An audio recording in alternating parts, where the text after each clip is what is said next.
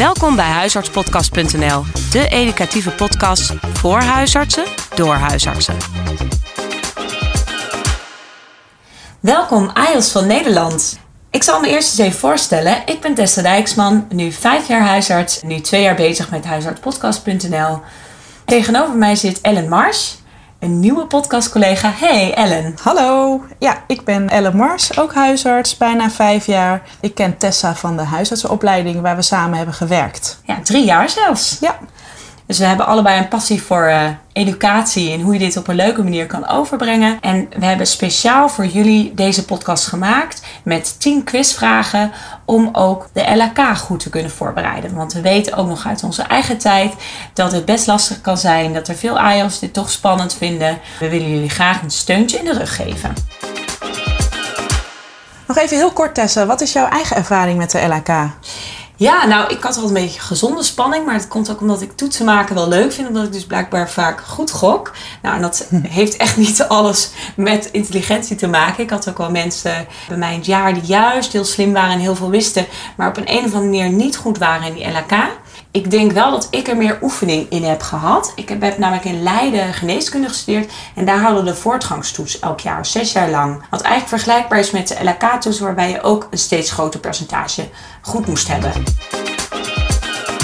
Wat is jouw ervaring, Ellen? Want ik begreep dat jij ook bij de huisartsopleiding bij IELTS die dan de LHK een paar keer niet hadden gehaald, zelfs mondeling Ja. LHK hebt afgenomen. Ja, ja, dat klopt. Je moet op niveau blijven, dus je moet natuurlijk één keer per jaar je LHK-toets halen.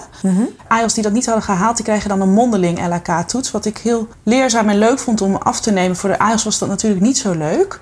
Die waren erg Ja, zenuwachtig. we waren heel zenuwachtig. Maar wat ik je mee kan geven is dat, dat eigenlijk echt het overgrote deel haalt het dan alsnog. Dat is geruststellend. Ja, en wat ik echt ook mee kan geven is wat mij heel erg geholpen heeft. En dat zag ik dus ook terug in die LHK mondelingen Ja. afnames. Is als je de vraag leest om dan de antwoorden af te dekken. En zelf eerst even na te denken over wat voor antwoord zou jij geven. Ja. Want als je eigen antwoord er dan tussen staat, nou, dan weet je eigenlijk al wat het antwoord van de vraag is. Plus het helpt je ook heel erg het klinisch redeneren onder de knie krijgen. Ja, waar het naar mijn idee heel erg over gaat in die LHK-toetsing. Ja, en voor de rest, mijn eigen ervaring met die LHK-toetsen vond ik altijd wel... Ik vond het ook een leuke dag, weet je. Het was 's ochtends die toets. Ja. S middags hadden wij altijd dan het symposium. Ja, En dat vond ik altijd een hele gezellige dag. Ik vond het altijd wel spannend. Ik kon het niet zo goed voorbereiden. Ik wist nooit zo goed wat ik moest voorbereiden. nee, maar ik las wel altijd even urineweginfecties en CVRM Ja. door. Want er werd altijd al een vraag over gesteld. Ja, herkenbaar. Dat, de- dat deed ik inderdaad Ja. ook altijd. En ik had altijd wel dat ik dacht... Na anderhalf uur, twee uur was ik dan wel klaar. En dan zat de hele zaal nog heel, heel intensief die vragen te bestuderen. En dacht ik altijd... Oh jee, oh jee, ik ben veel te vroeg klaar. Maar ja, dan kon ik niks meer doen. Dan- ging ik altijd maar weg. Oh nee, ik zat als een van de laatste, zat ik er dan nog. En dan zat ik over alle dingen die ik niet wist, toch nog na te denken wat nou het logischste antwoord zou zijn geweest. Ja. Als hij geweest was, had ik al mijn antwoorden opgeschreven. Daardoor ben je überhaupt al 20 minuten langer zit je er, omdat je al je eigen antwoorden opschrijft. Oh ja, nee, dat deed ik Ehm, nooit. Nee. En als we dan het boekje terugkeken, dan ging die allemaal oefenen. Nou, ik zou zeggen, laten we met de quizvragen beginnen. Ik heb er zin in. Ik ook. Wil jij beginnen, Ellen? Ja. We nemen in gespreksvorm de vragen door. Dat luistert prettiger dan wanneer we het oplezen. En we doen het ook zo dat de een vraagt de vraag aan de ander en de ander weet ook het antwoord niet. En wij gaan dan ook hardop nadenken, zodat jullie mogelijk nog iets leren van onze klinische redenatie, al wij natuurlijk ook niet alwetend zijn. En we gaan beginnen met vraag 1. Yes. LHK-vraag nummer 1. Naar aanleiding van klachten van de etalagebenen bij mevrouw Vriend, zij is 66 jaar oud, heeft de huisarts een CVRM-risico opgesteld. En nou blijkt dat zij een enkel armindex van 0,74 heeft. Haar bloeddruk was 164 over 87. Haar LDL was 3,4 Ja? met een normale nierfunctie. Nou, uiteraard bespreekt de huisarts leefstijladviezen met mevrouw en schrijft gesuperviseerde looptraining voor. Maar hij wil ook wat aan die bloeddruk van 164 over 87 doen. Mhm. Nou, welke antihypertensieve zou jij voorschrijven? Wat zijn de opties? De opties die zijn een ACE-remmer, een beta-blokker, een calciumantagonist of een diureticum. Laten we de AIOS eerst even wat tijd geven om over na te denken. Yes. Wat denk jij, Tessa? Ja, dan pak je me niet op mijn uh, beste kant. NAG-richtlijn is natuurlijk net vernieuwd. Vroeger ja, start je altijd met hydrochlorthiazide of amlodipine. Volgens mij in de nieuwe richtlijn is het allemaal gelijkgesteld. Dat ze deze vraag zo stellen, zal wel betekenen dat zij een uitzonderingspositie heeft. Maar welke?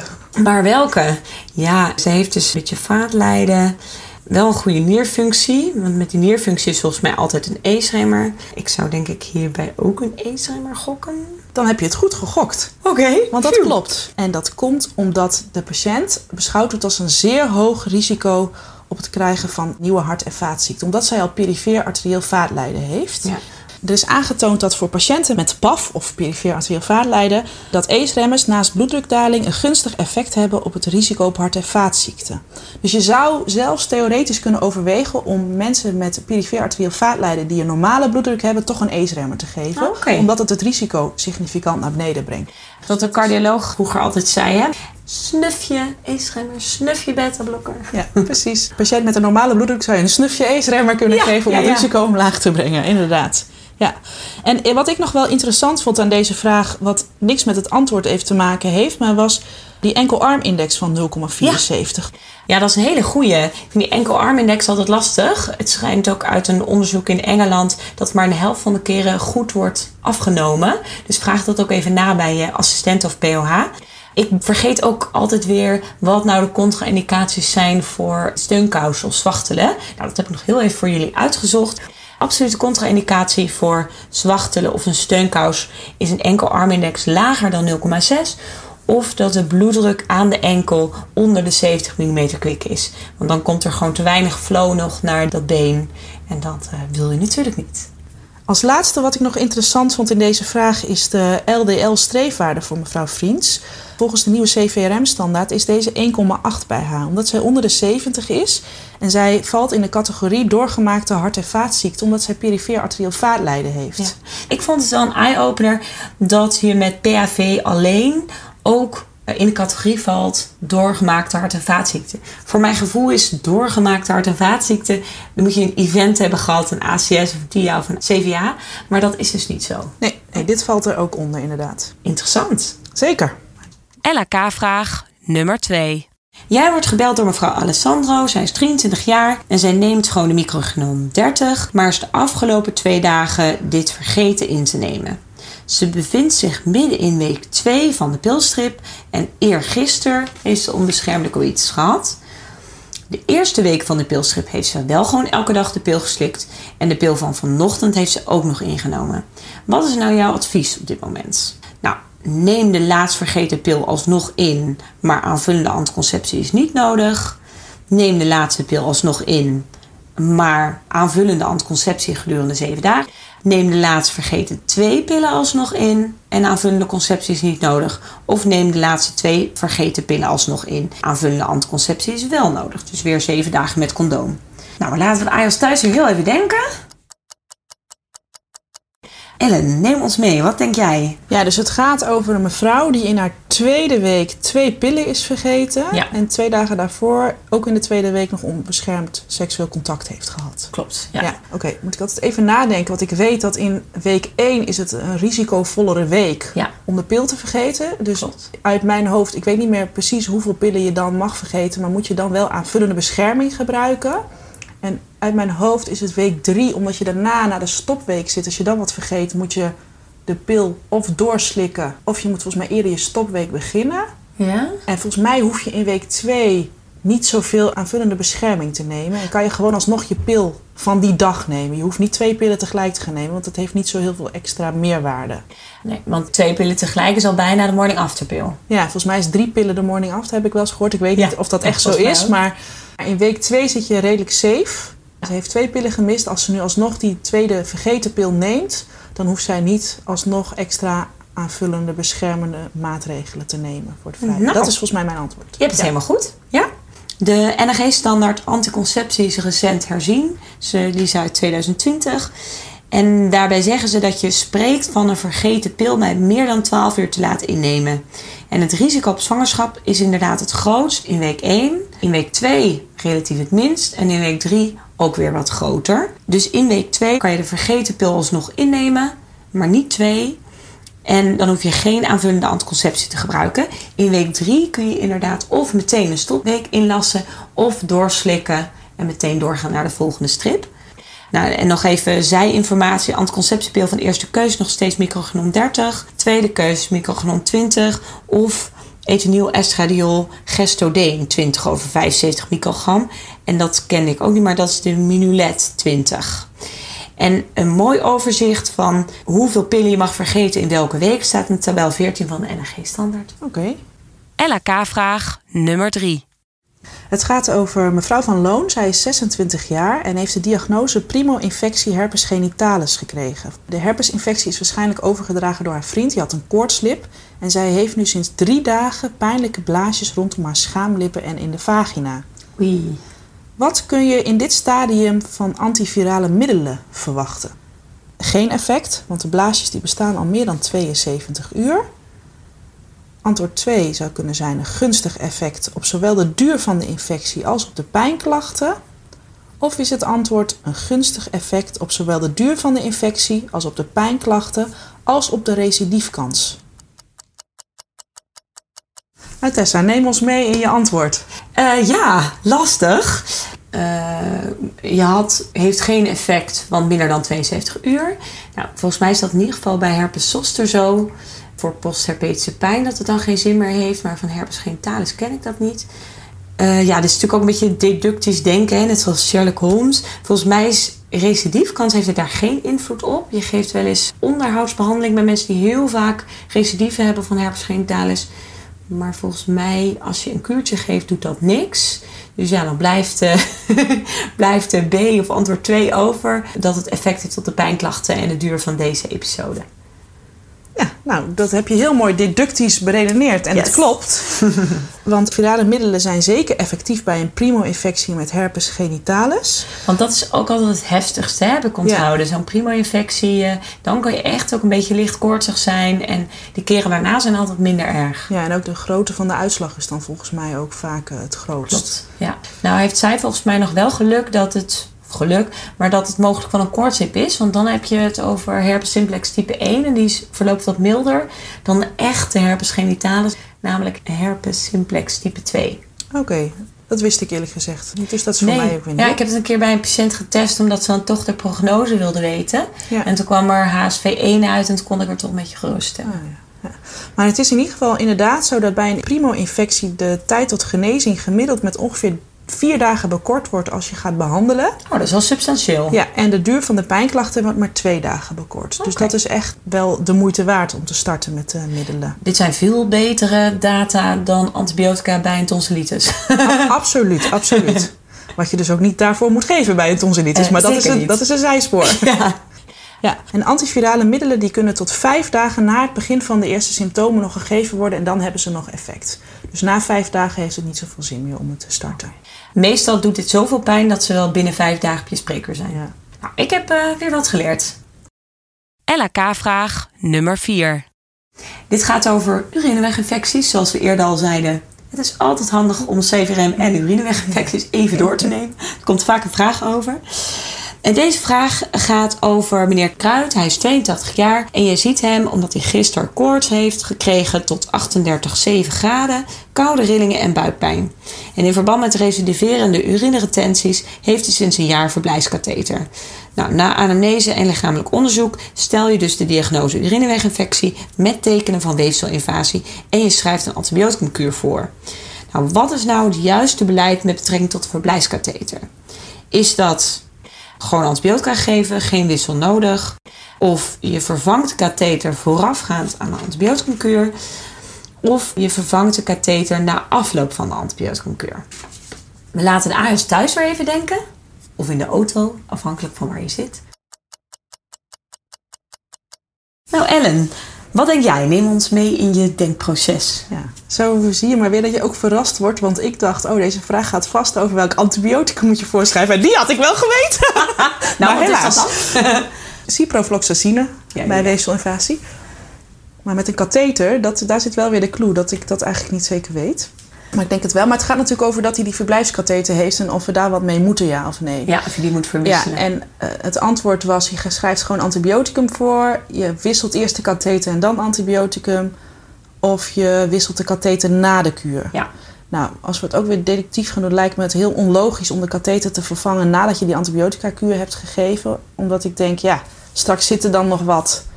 En dan is dat niet behandeld. En dan stop je de schone katheter in. Maar daarmee is het beest nog niet weg. Nee, Hè? lijkt me logisch, ja.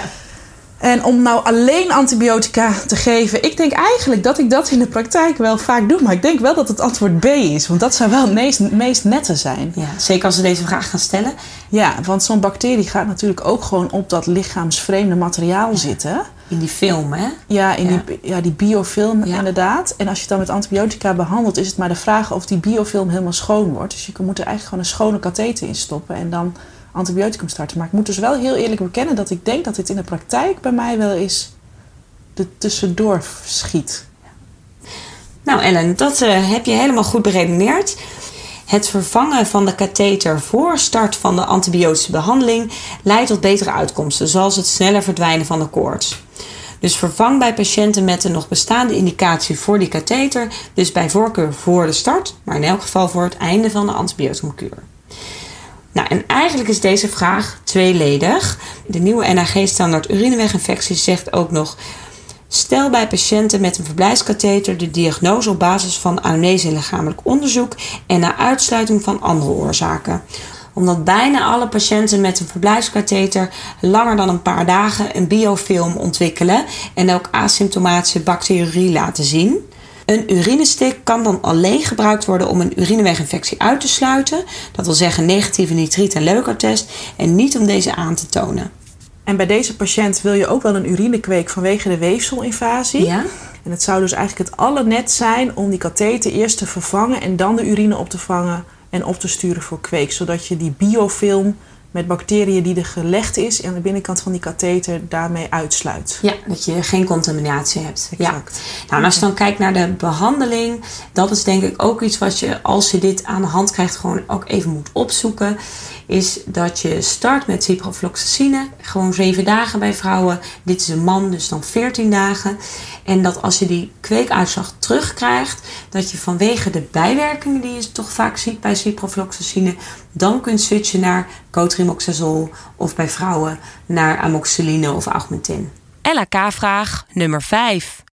Je gaat als huisarts schouwen bij Evie, een meisje van 14 jaar, na een verwacht overlijden. Nou, ik hoop dat ik dit niet te vaak mee hoef te maken in de praktijk. Zij is overleden uh, in een eindstadium van acute lymfatische leukemie. En als je dan gaat schouwen, moet je dan A. gewoon de overlijdenspapieren invullen omdat het een natuurlijke dood is. Of B. toch overleggen met de gemeente Kluikschouwer. Nou, we laten de IOS thuis ook weer even denken. Wat zou jij doen? Ja, dit is een AB-vraag, zeg maar, een tweeledige vraag. Ja. Eerlijk gezegd weet ik dit niet zo goed. Ik weet wel natuurlijk dat je als je een volwassene schouwt en het is een natuurlijke dood dat je de overlijdenspapieren invult en bij vermoeden van of het is een niet-natuurlijke dood dat je de gemeentelijk lijkschouwer belt. Ja, ik denk dan weer, mijn manier van denken is dan, oh, dit zal er wel niet voor niks in staan. ja. Dus in dit geval zou ik toch gaan voor overleg met de gemeentelijk lijkschouwer. Maar dat is dus niet echt klinisch geredeneerd, maar eigenlijk meer toets geredeneerd. Ja, ja, ja. Nou ja, wel slim, want dat klopt inderdaad. Het is inderdaad als ik bij kinderen moet schouwen, dus onder de 18, altijd de gemeentelijk lijkschouwer bellen. Dat is gewoon zo wettelijk afgesproken. Oké, dus ik moet de gemeentelijk lijkschouwer bellen moet er contact mee opnemen, maar moet hij ook langskomen of hoeft dat niet per se? Nee, dat hoeft niet per se. Als zowel de behandelend arts als de gemeente Kijkschouwer overtuigd is van natuurlijk overlijden, dan kun je volstaan met een natuurlijke dood invullen en de naam van de gemeente Kijkschouwer die je hebt geconsulteerd in te vullen. Maar goed, nogmaals, ik hoop dat ik dit nooit of bijna nooit uh, tegenkom in de praktijk. Nee, dit zijn vreselijke dingen. Verschrikkelijk. LHK-vraag nummer 6. De moeder van Brian, die zes maanden oud is, die komt op je spreekuur omdat Brian koorts heeft. En zij had het eh, juist eh, nog gemeten, was het 38,6. Ja. En de moeder heeft ook het idee dat hij tandjes krijgt. En ze vraagt eigenlijk of dat een verklaring van de koorts kan zijn. Wat voor antwoord zou jij geven? Ja, doorkomende tandjes zijn hier een goede verklaring voor. Of nee, Doorkomende tandjes zijn hier geen goede verklaring voor. Goeie vraag. We laten de AIOS weer even nadenken. Nou, dit is een hele goede. Uh, tandjes kunnen kinderen heel veel last van hebben. Maar zeker als ze dit zo stellen, ja, dan doe ik een beetje hetzelfde als wat jij met de vorige vraag deed. Dan zal het wel niet. Want ik denk eerlijk gezegd niet dat je daar koorts van kan krijgen. Misschien een beetje verhoging, maar 38,6. Ja. Dus ik zou gokken nee. Maar nogmaals, dit is een AB-vraag. Dus als je het fout hebt, gaat er een hele punt af. Dus als je twijfelt bij de LK-toets, zou ik hem niet invullen. Maar nu zou ik wel vrij zeker weten, nou, het zal wel niks met de koorts te maken hebben. Ja, Tessa, jouw antwoord klopt uh, inderdaad. De meeste kinderen krijgen hun tanden bij 5 tot 7 maanden of hun eerste tand. En dat is ook de periode waarin de maternale antistoffen afnemen. Veel kinderen gaan naar het kinderdagverblijf en krijgen daar allerlei virussen waardoor ze ook koorts krijgen. Man, dat is echt een recept voor heel veel virussen. En jij zelf dus ook veel vaker verkouden bent. Ja, inderdaad. Ehm, maar er zijn onderzoeken gedaan en die leiden niet tot eenduidige resultaten dat er een samenhang is tussen het doorkomen van tanden en, en koorts. Wat dus eigenlijk ook in de praktijk betekent dat als jij een kindje beoordeelt naar de focus voor koorts, dat het tijdens doorkomen van tandjes niet anders zou zijn dan zonder doorkomen van de tandjes. Ja, geen focus voor de koorts. Precies. Oké. LK-vraag nummer 7. Het gaat over mevrouw Van Haren. Zij is 23 jaar. En je ziet haar omdat zij een week geleden door haar eigen kat gekrapt is op haar rechterpols. En de kat heeft niet gebeten, dus echt alleen gekrapt. Oké. Eh, ze heeft de wond goed uitgespoeld en ontsmet, maar ze voelt zich nu niet zo lekker.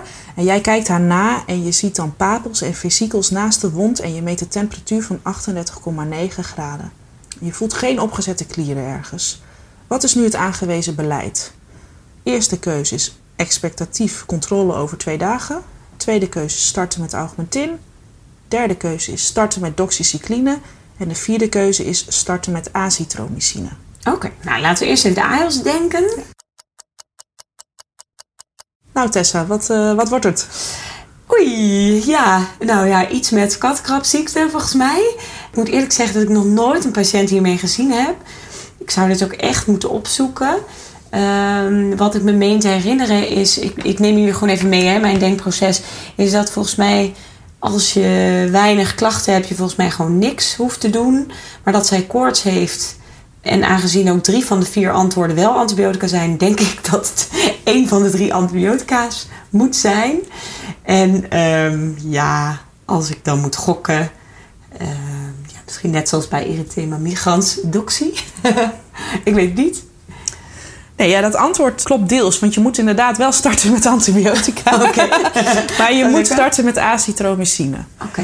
En ik zal wat vertellen over de kattenkrapziekte. Dat wordt veroorzaakt door de bacterie Bartonella henselae.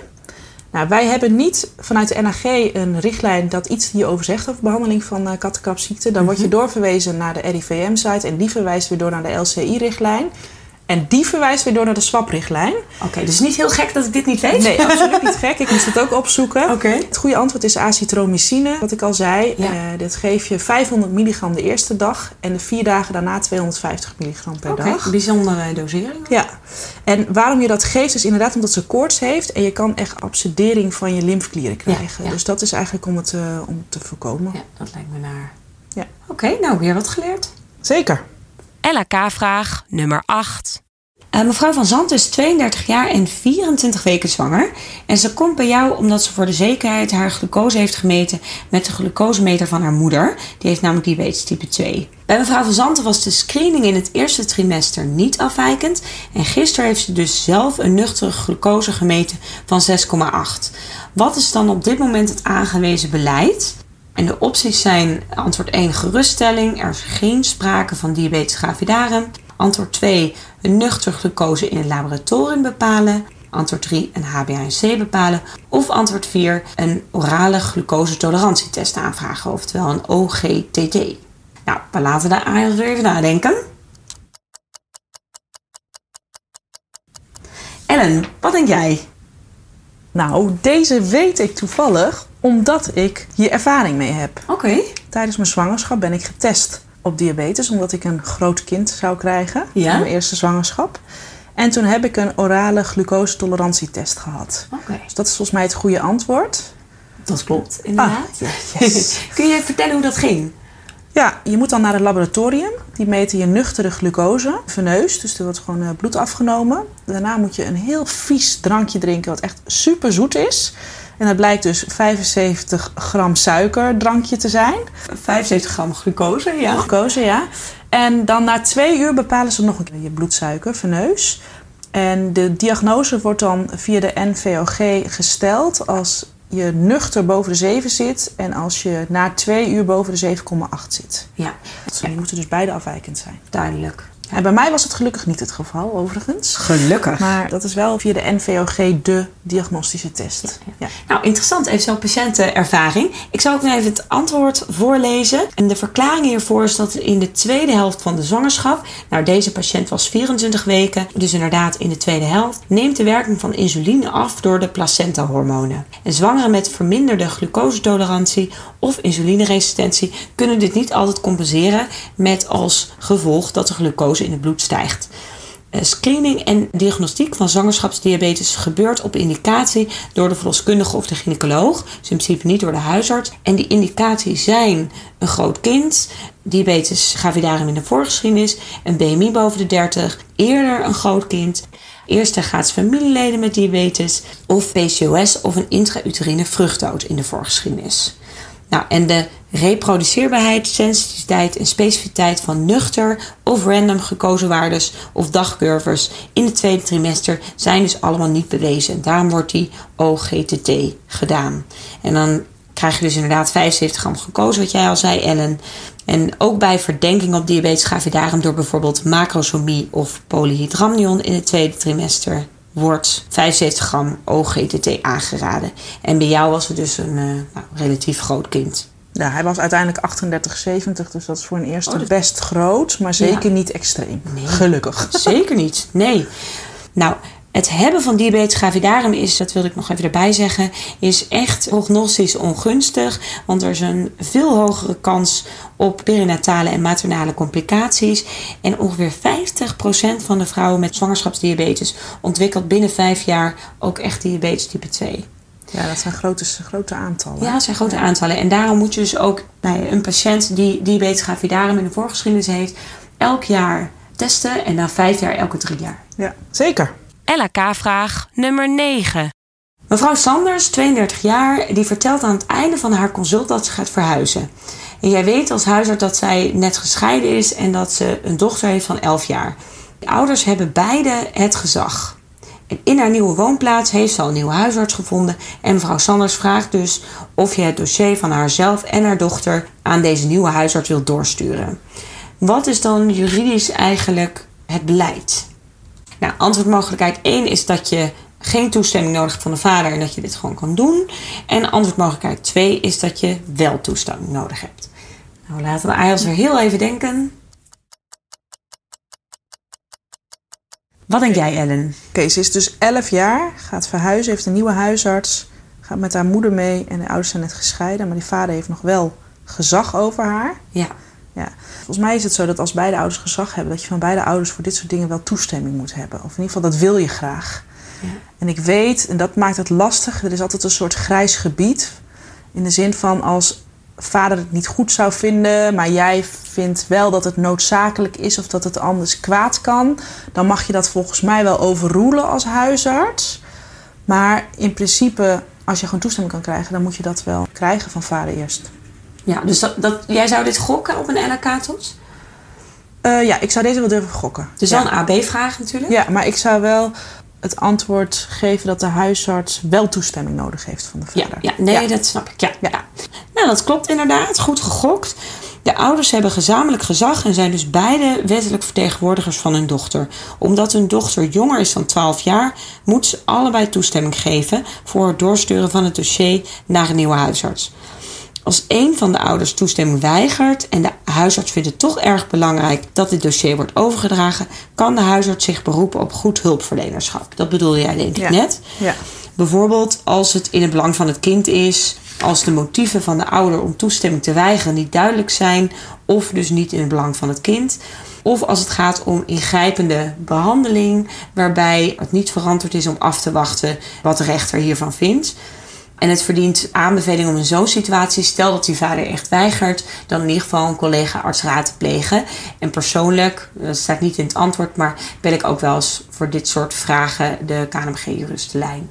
Ik weet niet wat jij doet. Ja, ik overleg meestal even met een collega. En als die het ook niet weet, dan bel ik de KNMG-lijn. Ja, als ik twijfel. Ja. En dan wel leuk om te weten, zij is dus nu onder de 12, maar boven de 12. Ook al weet haar moeder er zelfs niks van. Stel ze er bijvoorbeeld aan de pil, dan kan je dat gewoon voorschrijven. Dan heeft zij zelf ook uh, enig zeggenschap. Ja, goed te weten. Oké Tessa, de laatste ronde, de allerlaatste vraag. LK-vraag nummer 10. Mevrouw Sprangers is 68 jaar en ze komt bij je in verband met een pijnlijke rechterknie. En ze is bekend met gonartrose rechts. Ja. Maar die knie die is nu pijnlijker, dikker en warmer dan eerst. En ze is niet ziek en ze heeft geen koorts. Maar ze gebruikt wel sinds een week naproxen twee keer per dag 500 milligram. Maar dat helpt eigenlijk dus niet voldoende, want ze komt nu op jouw spreekuur. Ja. En ze vraagt of ze injectie kan krijgen in haar knie na haar nagekeken te hebben en het verhaal aangehoord te hebben, stel je de diagnose artritis bij artrose. Mag mevrouw Sprangers nu een corticosteroïdinjectie krijgen? Ja, dat mag op dit moment. Dat is het eerste antwoord. Tweede antwoord, ja, dat mag als je de bezinking en of het CRP hebt geprikt en dat die niet verhoogd zijn. Of antwoord 3, nee, tijdens een artritis door artrose mag geen corticosteroïdinjectie gegeven worden. Oké, nou we laten het weer even denken. Nou Tessa, neem ons mee. Wat is je antwoord? Nou, volgens mij mag dit gewoon. Je bent natuurlijk altijd bang voor een bacteriële artritis. En uh, daarom staat denk ik een van die antwoordopties met die CRP en die bezinking erin. Nou heb ik ook wel gehoord dat je ook een bacteriële artritis kan hebben zonder verhoogd CRP of bezinking. Dat vind ik dan altijd weer een beetje eng. Maar als NSAID's niet genoeg werken, kan je hier een injectie geven. Dat doe ik ook wel eens in de praktijk. Dus ik zou gokken van wel. Ja, het antwoord klopt inderdaad. Je mag een corticosteroïd-injectie geven bij patiënten met artritis bij gonartrose. Maar niet bij mensen die je verdenkt op een bacteriële artritis of bij reumatoïde artritis. Wat, wat vind je van de bacteriële artritis? Ik vind dat altijd een beetje een enge diagnose. Ik heb ook nog nooit een verdenking op gehad of echt een patiënt mee gezien? Jij? Ja. ja. ik heb er wel eens aan gedacht en ik heb ook wel één keer iemand ingestuurd met een verdenking, maar dat was het uiteindelijk niet. Dus ik heb het ook nog niet gezien echt in de praktijk. En ik heb altijd zo'n beeld van dat die, dat die mensen wel echt ziek zijn, maar ik vraag me af of dat klopt. Ja, ik hoop ook dat ik dan gewoon een soort niet-bluisgevoel heb en dat ik dan mensen instuur. En nu, nou ja, denk ik maar gewoon ja, koorts is geen goed eikpunt. Hoge CRPM-zinking ook niet. Dus dan denk ik maar gewoon veel pijn. En een porte-entree. Want goed, de meeste mensen hebben natuurlijk geen porte-entree. Nee. Ja, ja precies. Hey, en zet jij die injecties zelf? Ja, ja. Ja. ja, dat doe ik wel. Ik heb een keer geoefend op zo'n NAG-congres toen ik derdejaars AIOS was. Zo'n oefenknie. Oh ja. En sindsdien... Ja. ja, daar heb ik ook wel eens een keer op geoefend. Maar uiteindelijk heb ik het dus in de praktijk nog nooit gedaan. En nu ben ik vijf jaar bijna klaar. En denk ik elke keer als ik iemand krijg... Oh nee, we moeten even weer dat vaardighedenboek erbij halen om dat te bekijken. Maar ik, het lijkt mij ook heel lastig. Omdat het vaak oudere mensen zijn met echt wel flinke deformaties van, van de knie. Van die artrotische knieën. Hè? Ja, en dan denk ik, dat is, gaat het nooit zo makkelijk. Want straks zit je weer op zo'n osteofiet. Of, hè, ja, Dus ik ben een beetje terughoudend daarin, merk ja, bij mezelf. Ja, dat klopt. Ik uh, moet eerlijk zeggen dat ik ook altijd dat NRG-verrichting handboek er weer even bij pak. Van, oh ja, shit, hoe moest het ook alweer? Want jij je doet het misschien twee, twee, drie keer per jaar. En ik heb ook wel eens gehad dat ik inderdaad op een op, heel snel op iets hards kwam. Waarschijnlijk ook een osteofiet of nou, ik weet het niet. En toen heb ik een klein stukje teruggetrokken en toen verderop kon ik er wel langs. Ja. ja. Nou, allemaal overwegingen om het wel of niet uh, ja. te doen. Voor jullie als AIOS om zelf te bepalen. Zeker. Nou, dit waren ze alle tien. Ja. Ik heb een hoop geleerd. Ellen, uh, wat neem jij mee van deze tien vragen? Ik heb ook al hoop geleerd, maar wat ik echt wel meeneem is dat ik vaker aan moet denken om de verblijfskatheters te verwisselen bij mensen die een, die een infectie hebben. Ik ook. Uh, want dat vergeet ik nog wel. En die uh, kattenkrabziekte. Ja, dat het azitromycine is. Ja, ja, ja. ja, ik ook. Ja, wat ik ook meeneem, maar dat had ik misschien al moeten weten, dat mensen met PHV dus ook hart- en vaatziekten in de voorgeschiedenis hebben. Dat je dat zo moet beschouwen. Ja. ja. Waarbij je de LDL-afkapwaarde dus lager zet. Zeker. Ja.